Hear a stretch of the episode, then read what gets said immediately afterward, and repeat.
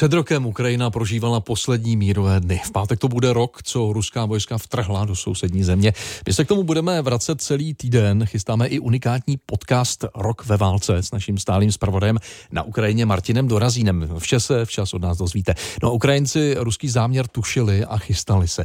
Atmosféru těsně před válkou a potom později v Charkově v časozběrném projektu zaznamenal právě Martin Dorazín. Tady je první díl našeho nového seriálu. Завтра последний. Новый семестр начинается. У нас каникулы были на, на Новый год. S panem ředitelem Borisem Petrovičem Mazurem jsem vstoupil do budovy do takového paláce, do celého komplexu kolejí pro studenty právnických fakult. Oni tady mají rozdělené a my se jdeme podívat, čím se teď zabývají studenti, kteří se chtějí stát budoucími státními zástupci, tedy na Ukrajině prokurátory. Právě jim totiž skončil zimní semestr, takže mají klid a mohou se věnovat něčemu úplně jinému, než jsou právnické knížky. Mm, jak bych říct. Da. umovy prostě superský. Musím říct, že tady máme bombové podmínky, skvělé vybavení, moderní koleje a hodného správce. Teď ale vyrábíme maskovací sítě pro naše vojáky, aby se mohli schovat před nepřátelskými střelami a mohli ukrýt také vojenskou techniku. Na.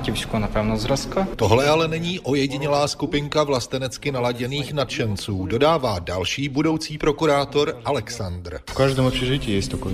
В каждом, да. Да, да. Вот у нас 15 общежитий, в каждом есть. Na každé koleji vyrábějí maskovací sítě a kolejí máme 15. Sám pocházím z okupovaného Doněcku a kolega je z Luhansku. Určitě se tam jednou vrátíme, ale nebude to zítra. Utekli jsme odtud v roce 2014, takže my oba dobře víme, proč to děláme. Doufám, že ty rusko-běloruské vojenské manévry kolem našich hranic jsou jenom zastrašovací. Chtěl bych věřit, že velká válka nepřijde. В любом случае хочется верить в лучшее, хочется верить, что это не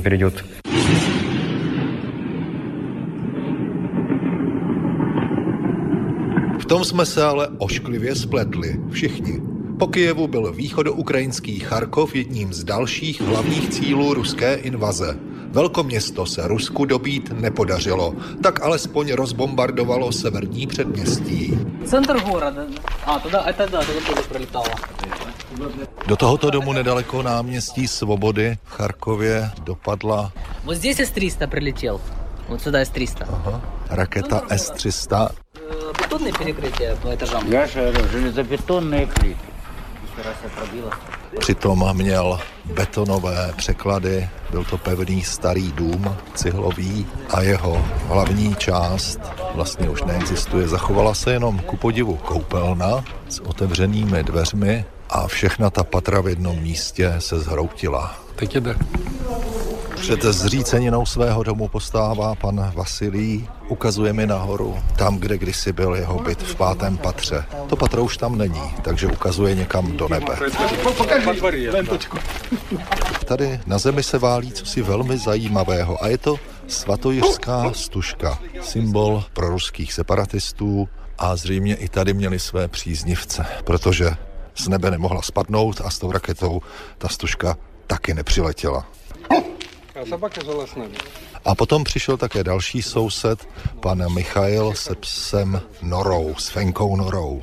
Ptám se, jestli má nějaké psychické následky. On říká, to víte, že má. Конечно. Конечно. Конечно.